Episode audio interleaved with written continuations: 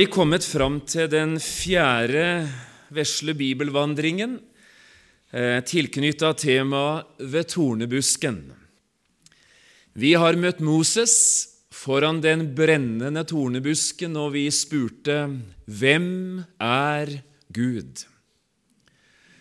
Vi har møtt den tornekronte Jesus, og vi stilte spørsmålet Hvorfor døde Jesus? Og vi har stått og sett på en såmann som gikk ut for å så sitt såkorn. Noe falt blant torner, står det. Og vi spurte hvorfor er det så viktig dette med Bibelen.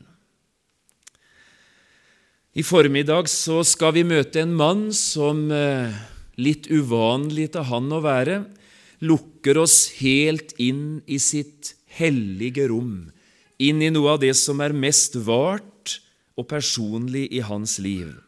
Vi skal møte Paulus, og det er jo ikke akkurat som den personlige, som den utleverende, at vi som regel møter den mannen. Vi møter han som læreren som systematisk og dyktig framstiller hovedlinjen i Guds frelsesplan på en måte som ingen nesten i Bibelen er i stand til å gjøre det. Vi møter stridsmannen som frimodig og med rak rygg går vranglæren og vranglæreren etter i sømmen og sier, La oss passe oss, sier han, for en liten surdeig kan syre hele deigen. Vi møter han som misjonsstrategen, der han dirigerer sine medarbeidere og brenner og er klok og vis i måten å tenke. La oss føre evangeliet ut mot jordens ender. Og ingen av oss makter det alene, men la oss gjøre det sammen. Men en sjelden gang så lukker Paulus oss inn i sitt private rom, og det gjør han i formiddag. Ved tornebusken. Og Vi skal lese det vesle avsnittet der han beskriver det han kaller for tornen i kjødet. Og Spørsmålet vårt er vanskelig og kanskje umulig helt å svare på, men vi stiller det likevel, for en gang imellom må vi stille det spørsmålet i Guds forsamling. Hvordan kan Gud tillate? Hvordan kan Gud tillate? Jeg vet ikke om du har stilt det spørsmålet noen gang, ganske personlig. Hvordan kan Gud tillate at jeg veit ikke om du er i en sånn livssituasjon akkurat nå, der det er dette som er det ømme spørsmålet hvordan kan Gud tillate? Vi skal lese fra 2. Korinterbrev i kapittel 12, og vi leser avsnittet fra vers 7 til 10, og vi leser det i Jesu navn. Og for at jeg ikke skal opp opphøye meg av de overmåte store åpenbaringer, har jeg fått en torn i kjødet, en Satans engel som skal slå meg, for at jeg ikke skal opphøye meg. Om denne ba jeg Herren tre ganger, at den måtte vike fra meg. Men han sa til meg, Min nåde er nok for deg, for min kraft blir fullendt i svakhet. Derfor vil jeg helst rose meg av min svakhet, for at Kristi kraft kan bo i meg. Derfor er jeg vel tilfreds i svakhet, under mishandling, i nød i forfølgelser og trengsler for Kristi skyld. For når jeg er svak, da er jeg sterk. Gode Far i himmelen, vi er en stor barneflokk som i denne formiddagen gjerne vil be om å få sette oss opp på ditt fang. Herre, la oss få sitte her tett innved ditt hjerte. Og når vi hører ordene fra din munn, så hører vi de sammen med lyden av dine hjerteslag. Herre, gi oss også i dette terrenget vi skal bevege oss inn på i formiddag, å tenke som du tenker, og tale som ditt ord taler. Amen. For en god del år siden så kom det ut ei bok her i Norge, skrevet av Asbjørn Norgård, forresten, som bar tittelen 'Troens paradokser'. Jeg skal ikke si noe spesielt om den boka, men jeg har bare lyst til å lede tanken bort til boktittelen 'Troens paradokser'. I den kristne tro, i det daglige livet med Gud, må vi regne med det at det er ikke alltid at to pluss to blir fire. Noen ganger så er det helt motsatt. At i møte med noe som vi tenkte skulle være sånn, i møte med ting som vi tenkte Gud skulle gjøre på den måten, så gjør han det akkurat motsatt. Dersom han kler sin herlighet under en drakt av ringhet og fattigdom og fornedrelse. Og hadde vi ikke kjent Gud, så hadde vi heller ikke kjent Han igjen når Han kommer til oss i denne merkelige klesdrakten, som ikke ligner Gud. Vi har noen bibelord som på en måte synliggjør Eh, Gud som denne motsetningenes Gud, troens paradokser. Jeg skal sitere en tre-fire strofer. Jeg tenker på setningen i profeten Sakarias' bok i kapittel 14. Jeg tror det er i vers 9. Der står det Men ved kveldstid skal det bli lyst, står det. Det normale er jo at ved kveldstid så blir det mørkt. Men Gud gjør det akkurat motsatt. Når det ser mørkt og håpløst og vanskelig ut, og det, det er bare natten i vente Ved kveldstid skal det bli lyst. Og vi, når vi er i mørket, vi tenker det kan aldri gå godt, det som nå skjer. Eller jeg tenker på det døperen Johannes sa, Sakarias, om det som skulle skje når Messias kom. Herren lot soloppgang fra det høye gjeste sitt folk. Har dere sett en soloppgang fra det høye på Karmøy? Nei, det har vi aldri sett, for soloppgang kommer alltid fra det lave. Soloppgang er alltid oppgang mot det høye. Men skulle det bli lyst skulle det bli soloppgang og en ny dag i vår verden, så måtte den komme fra det høye. Og det var slik soloppgangen kom, da Frelseren steg inn i vår verden. Helt motsatt av det vi er vant til. Eller jeg tenker på Jesus. Når han helt oppe i nord ved Cesarea Filippi, etter Peters store bekjennelse og og, og hans frimodige vitnesbyrd begynner å tale om sin lidelse og død, så knytter Jesus disse ordene til ikke bare sin egen lidelse og død, men han begynner også å snakke litt om det korset som ligger igjen, som hans etterfølgere vil måtte bære om de vil følge Jesus. Og så sier Jesus noe merkelig. Den som vil berge sitt liv, den som vil berge sitt liv, han skal miste det. Men den som mister sitt liv i denne verden for min skyld, han skal finne det. Helt motsatt av det vi skulle ha tenkt. Ved å prøve å berge livet, så mister du det. Men ved å gi slipp på det som var livet for deg, så finner du livet. Det er bare om vi kjenner Gud, at vi forstår at det er Gud. Og så kan du jo se ned i Bibelen som du har foran deg. I eh, det siste verset jeg leste, i vers 10, og i den siste setningen, kan du begripe det som står? For når jeg er svak, da er jeg sterk. Ber du om åndskraft? Ber du om å bli sterk i Herren og i Hans veldige kraft? Ber du om å bli en rakrygget, frimodig, sterk kristen? Da kan du risikere at Herren tar fra deg noe som du aldri hadde ventet.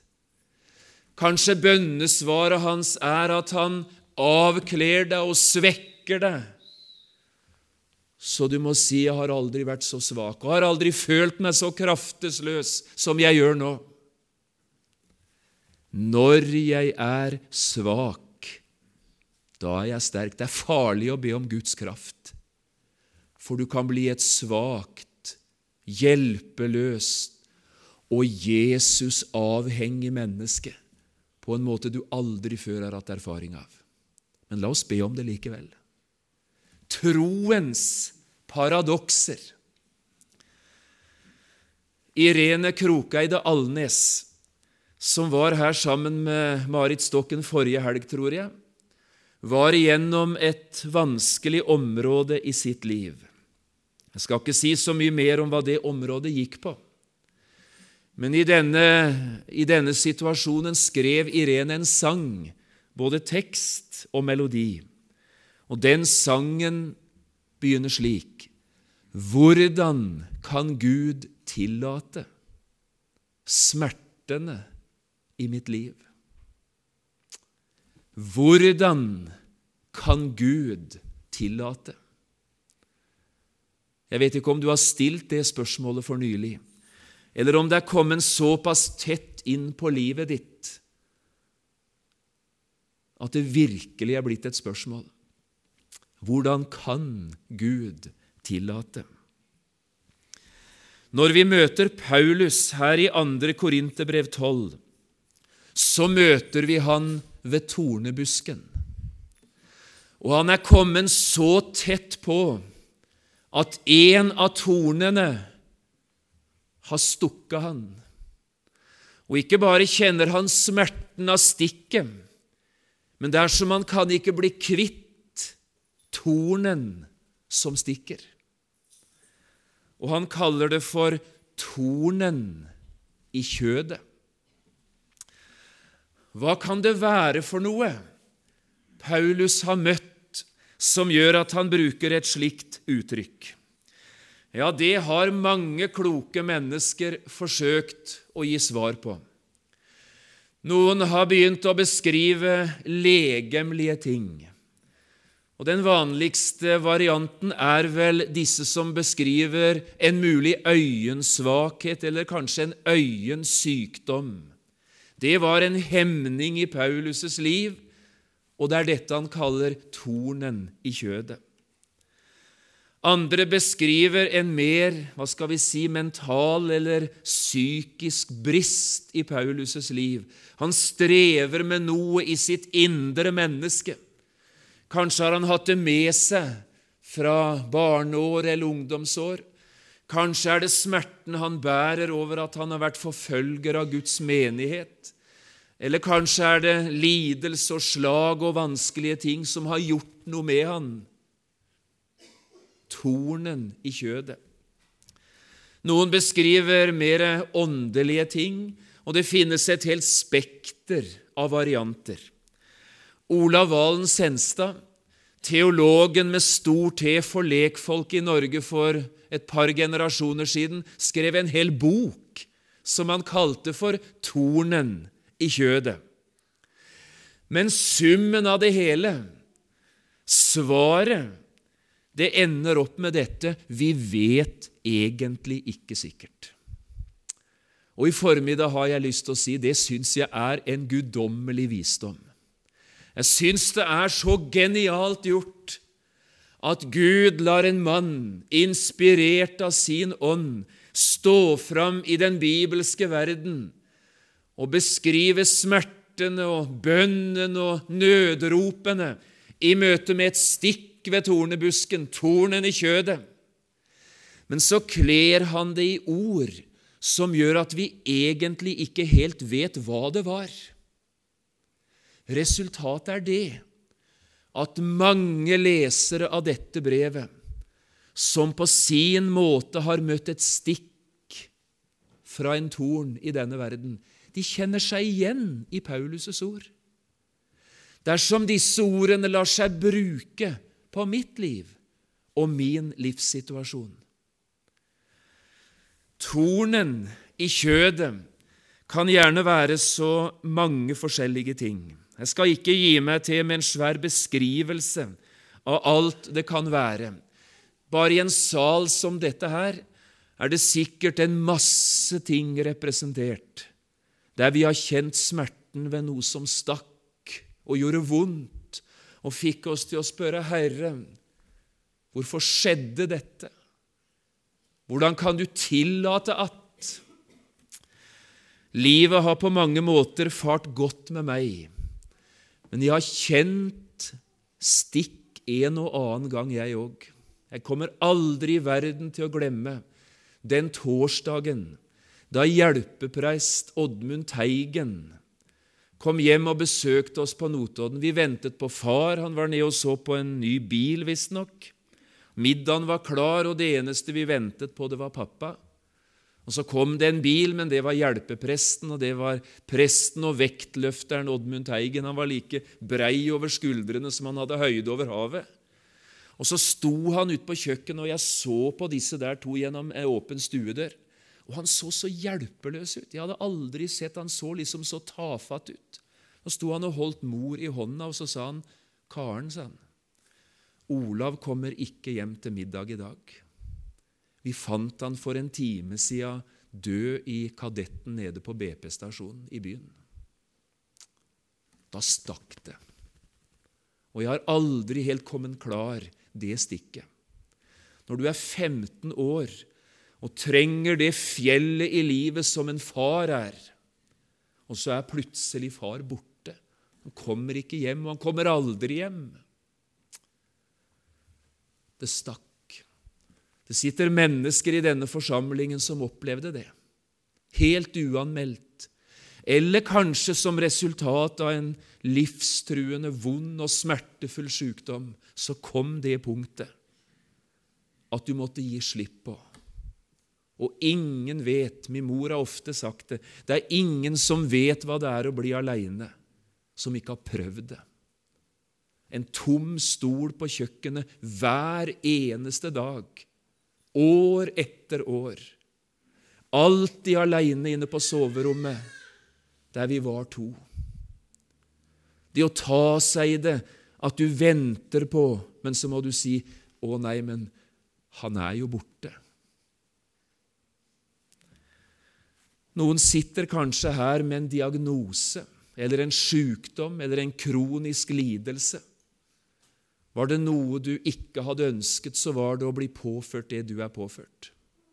Men du kunne ikke hindre det heller. Og nå sitter du kanskje med usikkerheten, for alle ting er ikke avklart, og du tenker Herre, hvor er du hen nå? Hvorfor skal jeg gjennom dette? Hvordan kan du tillate at Ekte folk driver fra hverandre. Den ene parten svikter gjennom utroskap på en måte som den andre er helt uforberedt på. Og så stikker det. Gud. Arbeidsledighet eller en jobb som går fløyten. Og så er plutselig den trygge grunnen under beina borte. Barn du har bedt for fra før de var født, og det store ønsket du har hatt, det var at de skulle følge Jesus sånn som du har gjort. Enda så er de tilsynelatende langt borte. Nytter det egentlig å be? Hva galt gjorde vi hjemme? Hvorfor får andre noen med seg, men ikke vi? Det er et helt spekter av ting. Det stikker, og vi spør Gud, hvor er du hen? Hvordan kan du tillate at? Vi trenger ikke bruke mange ord på det. ikke sant? Vi vet hva dette handler om. Tornen, stikket, smertene og spørsmålene.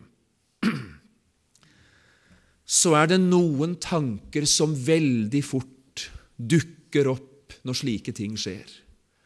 Og la meg prøve å sette ord på de helt ærlig, og ikke legge de så mye ut, men muligens en og annen kunne kjenne seg igjen og høre at det var godt noen sa det. En tanke som kommer veldig fort, det er tanker som har med straff å gjøre. Du får som fortjent. Det er din skyld. Hvis du bare hadde Hvis du ikke hadde gjort det eller det, hvis du hadde valgt annerledes og virkelig, da hadde dette ikke skjedd. Men nå ser du, nå skjer det, og du får som fortjent.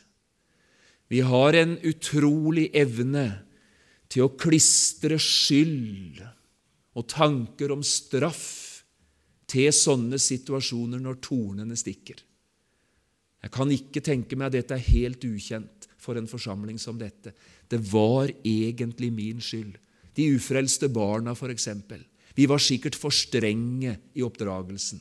Eller vi ba jo altfor lite for dem. Eller vi skulle ha vært et forbilde på en helt annen måte enn det vi var. Vi var så tankeløse og selvopptatte. Det er hundre ting vi kan klistre det på, og så sitter vi med skylda. Jesus møtte en gang noen mennesker som satt i den tanken. Ulykke, vonde ting, det er egentlig vår skyld. Hør på disse ordene. Jesus bruker dem i starten av Lukas 13.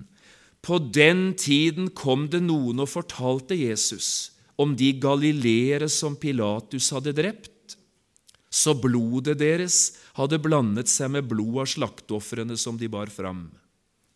Og så sier Jesus, han svarte og sa til dem, mener dere at disse galileerne var syndere?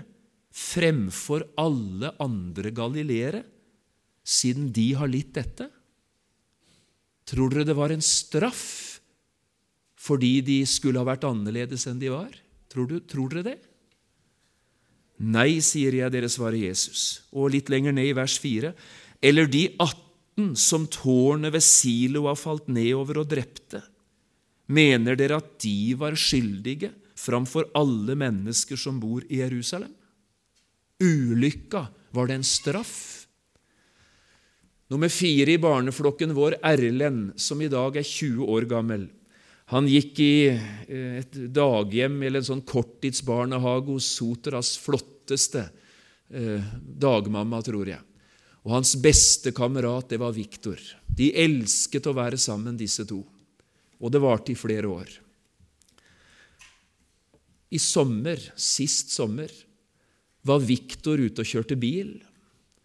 Var på vei hjem ganske seint natt til søndag. Var på vei over Solsvikbrua mot Misje. Og en sving som gikk til høyre, er ikke verre enn at den skal klares ved en helt enkel manøver. Men den morgenen gikk Viktor rett fram i fjellveggen. Og sykepleieren som var på vei til Øygarden på tidligvakt på søndag morgen, var den første som fant han. 20 år gammel. Hvorfor skjer sånt? Tror du det var en straff foreldrene skulle ha? Tror du det? Tror du det var noe besteforeldrene gjorde som Viktor nå måtte betale for? Er Gud sånn? Kjenner du Gud på den måten? Ligner det Gud å straffe på den måten der? Jeg skal fortelle deg hvordan Gud er. Straffen lå på Han for at vi skal ha fred. Aldri stikker én torne ett menneske i denne verden som straff. Straffen lå på han for at vi skal ha fred. Ja, men det er synd, sier noen. Det er synd som kan påføre sånne ting. Ja, sånn tenkte disiplene òg. Og En dag så, så de den blindfødte mannen sitte der ved veikanten. Og fordi de var så vikla inn i at det er synd som, som gjør at vi blir sjuke eller må betale for ting, så spurte de Jesus, er det han? Eller er det foreldrene hans som har syndet siden han skulle bli født blind? Det var jo merkelig at det skulle være han som hadde syndet siden han var blind fra fødselen av. Kan du huske hva Jesus svarte? Det er galt spørsmål, sier Jesus. Du kan ikke spørre sånn. Og når spørsmålet er galt, så blir svaret også galt. Verken han eller hans foreldre har syndet. Det var for at Guds gjerninger skulle åpenbares på ham, står det. Er veldig lett å gå til en uh, sjuk person, særlig om du har sterk tro på helbredelse. Og så ber du, og så skjer det ikke. Og så er det selvfølgelig et eller annet av synd eller vantro. Og det sitter en og annen sjuk kristen igjen etter sånne besøk som har fått en stein i sekken som er tyngre noen ganger å bære enn selve sykdommen.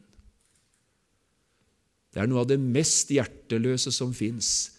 Det er å klistre det til situasjonen og si at hadde du bare trodd noe mer, hadde du vært litt mer åpen og helt overgitt Gud, eller hadde du ikke levd i synd, så Gud bevare oss fra den slags folk.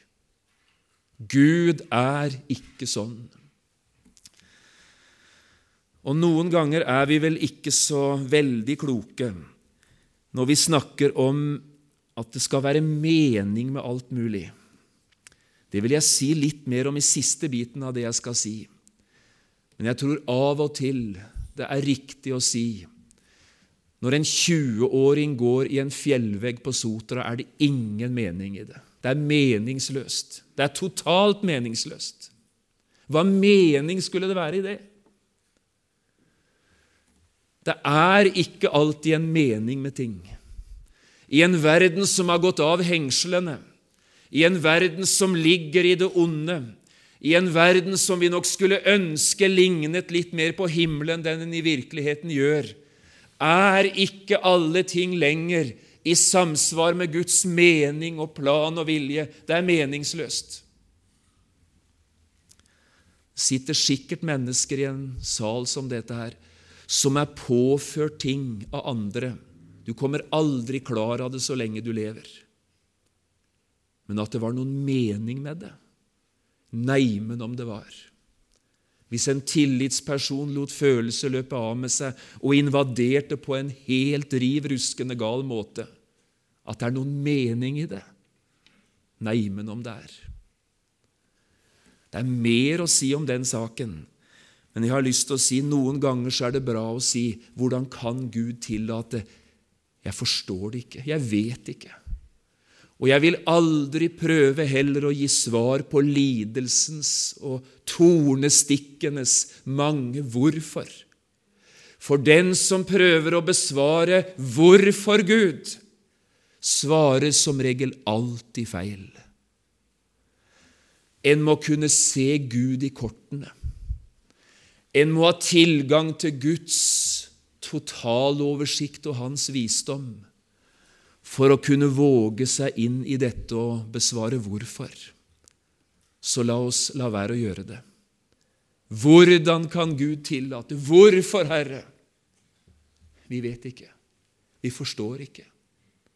Av og til kjenner jeg det er det beste svar. Jeg har et par ting til i tilknytning til bibelavsnittet vi leste sammen. Det var iallfall én ting Paulus gjorde da tornen stakk. Han ba. Veien oppad er fri. Husk det i selsomme dager når døren fremad og døren tilbake, begge er hardt lukket i. Veien oppad er fri. Et liv, et smertestikk, en vanskelig livssituasjon er iallfall aldri sånn at det ikke er en vei, en fri vei, oppad.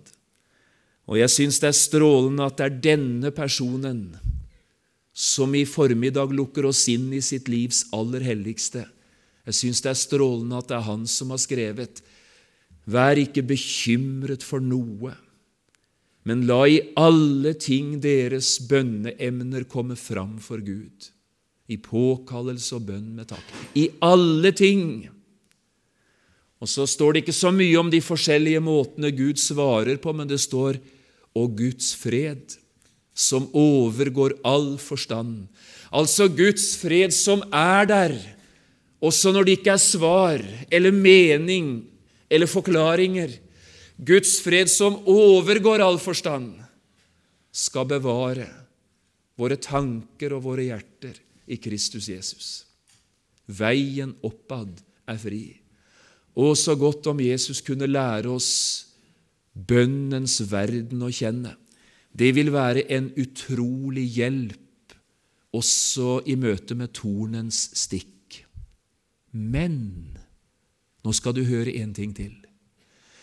Én ting er at Gud vil lære sine barn å be. En annen ting er at han av og til vil lære oss å slutte å be. Hørte du det? Har Gud lært deg å slutte å be? Om denne ba jeg Herren tre ganger. Og så ba han ikke mer om det. Da var han ferdig med å be om det. Og når han hadde bedt en tredje gang, var det som han fikk det for seg du skal ikke be om dette lenger. Og så slutta han å be. Og så fikk han hvile i at dette ber du ikke lenger om, Paulus. Jeg tror jeg har lyst til å være litt konkret, eh, og du tar det i beste mening, det som kommer nå. Det finnes noen av våre åndelige søsken som har fått en diagnose av sykdom som alle forstår er livstruende. Utgangen er før eller siden døden. Det er, det er sykdomsbildet. Samtidig leser vi Bibelen, vi kjenner Jesus, vi vet at han ved et ord kan lege mennesker fra all sykdom og all smerte. Og det vil vi gjøre bruk av i denne situasjonen, og vi gjør det. Bruker Jakob 5 eller ber på andre måter og lukker en forsamling eller andre mennesker inn i en, i en bønneoffensiv for dette som skjer. Og Gud velsigne alle som gjør det. Det er bare det at det finnes en del av våre alvorlig syke kristne venner som blir så fokusert på helbredelse. At bare tanken på at dette kan være livstruende, og dette er Guds vei ut av denne verden hjem til himmelen, det lukker en ikke inn. En slipper ikke tanken til. Og vet du hva resultatet er? Resultatet er at den syke selv ikke unner seg muligheten til og tenke tanker du skal snart flytte herfra hjem til Herren. Og kanskje like alvorlig familien som står omkring, får ikke anledning å snakke om døden. De får ikke anledning å snakke om hvordan det eventuelt vil bli å være aleine. Det er liksom tabu å nevne. Og så blir det et vakuum. Og så skjer det på et gitt tidspunkt at den sjuke reiser og dør og det sitter en familie, en ektefelle, det sitter barn igjen med et eller annet som er så komplisert å leve videre med. Fordi en fikk ikke snakket om det eller bearbeidet eller forberedt seg på det. Det var liksom ikke sjans. Av og til tenker jeg det er flott når Jesus stimulerer oss og lærer oss å be, men jammen er det viktig at han av og til også får oss til å slutte og sier om dette ba vi Herren tre ganger. Og nå ber vi ikke om det lenger. Nå er det lagt i Hans ånd. Nå vil vi innstille oss på at Guds vei er alltid god, enten det nå er det ene eller det andre. Tar du tanken? Vær god mot hverandre, også når det er vanskelige ting å snakke om. Vær frimodig og be, men vær også åpen for at det er ting vi ikke lenger skal be om. Om denne ba jeg Herren tre ganger, og så ba han ikke mer. Og tornen stakk så lenge Paulus var i denne verden. Og så det siste som jeg vil på en måte lande med. Det brukes ett uttrykk tre ganger i det bibelavsnittet vi har lest sammen. Og det er disse to korte ordene 'for at'. For at. Det er ikke svar på hvorfor eller hvordan Gud kan tillate, men det er noen små vinduer som åpnes og som viser oss at Gud av og til tillater. Og så kan Han gjøre noe ut av det. Det som er vondt, er vondt. Det som er sjukt, er sjukt. Det som er sårt, er sårt. Og det som er smertefullt, det er smertefullt. Men i Guds matematikk hører minustegn hjemme, akkurat som minustegnene hører hjemme i all matematikk. Og den riktige kombinasjonen av to minustegn kan bli til et stort pluss. For at For at jeg ikke skal opphøye meg. To ganger sier han det. For at. For at Kristi kraft kan bo i meg. Én gang lyder det 'for at'. Og nå vil jeg driste meg bare til å gi en liten beskrivelse til slutt av noen av disse bibelske tankene. Hvordan kan Gud tillate? Jo, noen ganger tillot han for at. Det er ikke alle her som alt dette passer på, men, men senk nå bare skuldrene der du sitter, og lytt. En. Noen ganger tillater Herren stormen, stikket, fordi han ønsker å vise oss noe ved seg selv som han ellers aldri hadde fått vist oss. Det er sårbart å si det jeg sier nå, men det er riktig. Hvem var det som fant på at disiplene skulle ta over Genesaretsjøen fra vestsida mot østsida den natta da det var så elendige værvarsler? Hvem var det som fant på det? Var det Peter? Eller var det Thomas? Det var Jesus. Det var han som gikk ned til stranda og satte disiplene i båten og sa, 'Sett over til den andre siden.' Det var på hans vei. Det var i hans vilje. Og det første som skjedde, var at de gikk rett i storm. Og det var så livstruende at de skrek og ropte og sa, 'Herre, frels, vi går under.' Herren tillot. Hvorfor gjorde han det?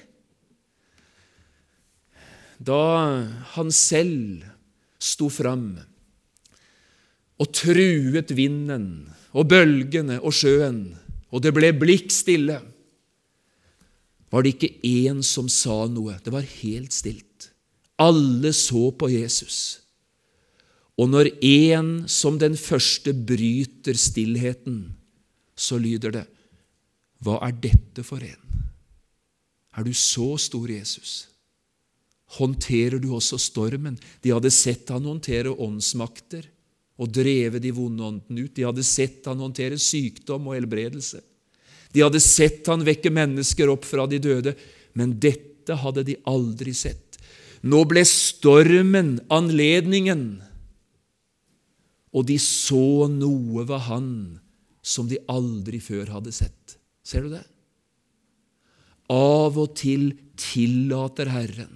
Det vonde er fremdeles vondt, men han står ved enden av stormen og står der synlig på en måte vi hadde aldri tenkt det var slik han var. Ser du det? Min nåde er deg nok. Hvem tror du Paulus hadde fått øye på? På Jesus. På en stor frelser. Kristi kraft skal bo i meg. To. Av og til tillater Herren veien inn i mørket. Det er noe Han vil gi oss der. Meg tok Han inn i mørket da jeg var 15 og et halvt år. Vet du hva Han ga meg i mørket? Han ga meg frelsesopplevelsen og frelsesvissheten. Det var Guds måte, som ørnemor dytter ørnungen ut av redet, og så stuper ørnungen ned og begynner å pjuske. Det måtte til i mitt liv for at jeg skulle komme på egne vinger og si nå, John, nå nytter det ikke å dingle på skjørten av din mor. Nå må du selv velge hvem du vil tjene. Jo, han tok noe fra meg i det mørket, men han ga meg også noe. Til fred ble meg det bitre. Og hvordan mitt liv hadde vært om far ikke hadde dødd, det vet jeg ikke.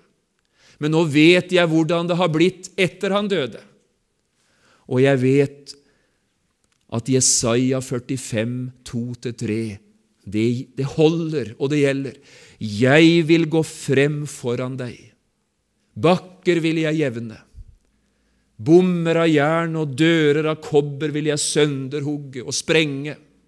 Det betyr i møte med de uoverstigelige vanskelighetene, i møte med de ugjennomtrengelige problemene, når vi er låst og vi ser ingen utvei. Jeg vil gå foran deg. Og så kommer noe utrolig. Og jeg vil gi deg skatter som er skjult i mørket og rikdommer som er gjemt på lønnlige steder. Vi opplevde at han tok fra oss noe, men ved å ta hadde han en egen evne til å gi. Det er Gud. Det er Gud. Tre. Av og til tillater Gud vonde ting i en kristens liv fordi han vil gjøre oss til noen som kan hjelpe andre, som skal igjennom det samme som vi selv har vært igjennom.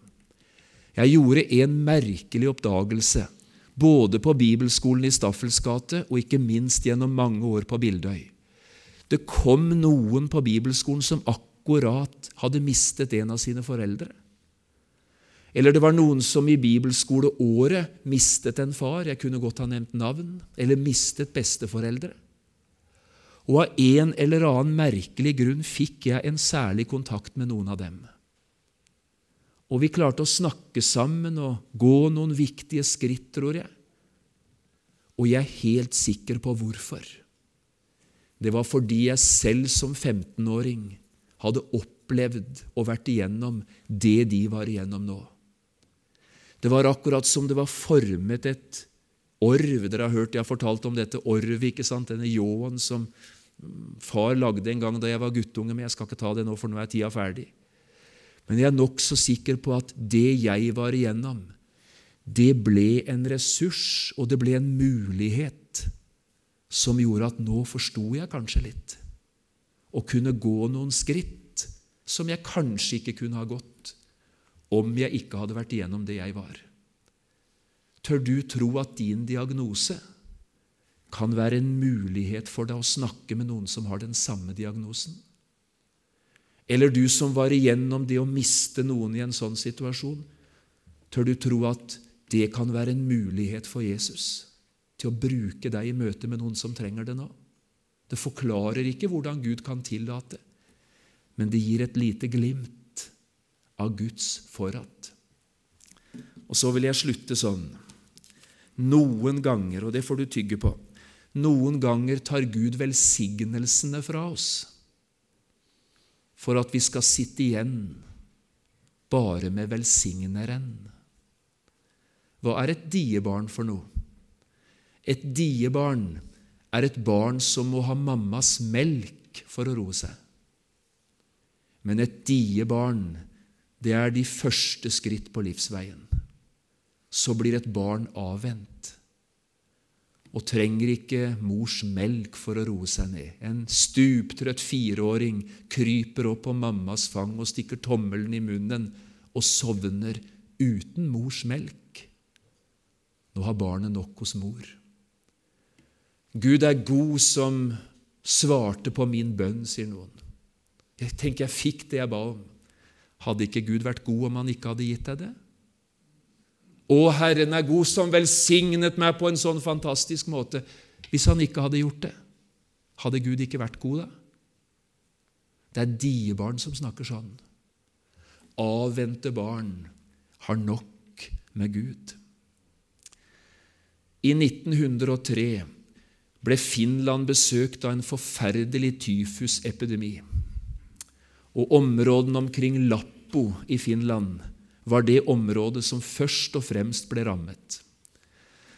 Halvannet år tidligere var en ung prestefamilie kommet flyttende til Lappo. En av vekkelsespresten i Finland. Ung, elsket, begavet. Ilden brant. Han het Wilhelm Malmberg, eller Wilhelm i Malmivara på finsk. En av de små jentene ble rammet av den epidemien og døde etter noen få måneder. Det ble gravd en barnegrav. I stellet av denne vesle jenta ble kona til presten smittet. Og i løpet av seks måneder måtte Wilhelm i Malmivara grave tre graver. To jenter og ei elsket kone. Seks måneder. En dag sitter han inne på prestegården, knust som naturlig var. Gud har forlatt meg. Jeg har sviktet. Hvordan kan Gud tillate? Av og til er en kirketjener klokere enn sognepresten. Og en dag kom kirketjeneren inn, der presten satt knust ved bordet sitt, og uten et eneste ord gikk kirketjeneren bort og la hånda si på skuldra til den knuste unge vekkelsespresten. Og så sier han bare dette bibelordet. Og Jesus sa tredje gang til ham, Simon, Johannes' sønn, elsker du meg? Og så gikk han. Jesus sa tredje gang til ham, det snudde den prestens liv. Og nå skal vi synge de seks versene som han i dagene og ukene rett etterpå skrev etter å ha vært gjennom sitt møte med tornens stikk. Og hvert eneste ett av disse seks versene vi skal synge nå, de er født inni den stua, og ikke langt unna tre ferske graver. Nå skal du høre. Og det er også min bønn til slutt i formiddagsprekenen. Nå synger vi, og vi ber mens vi synger.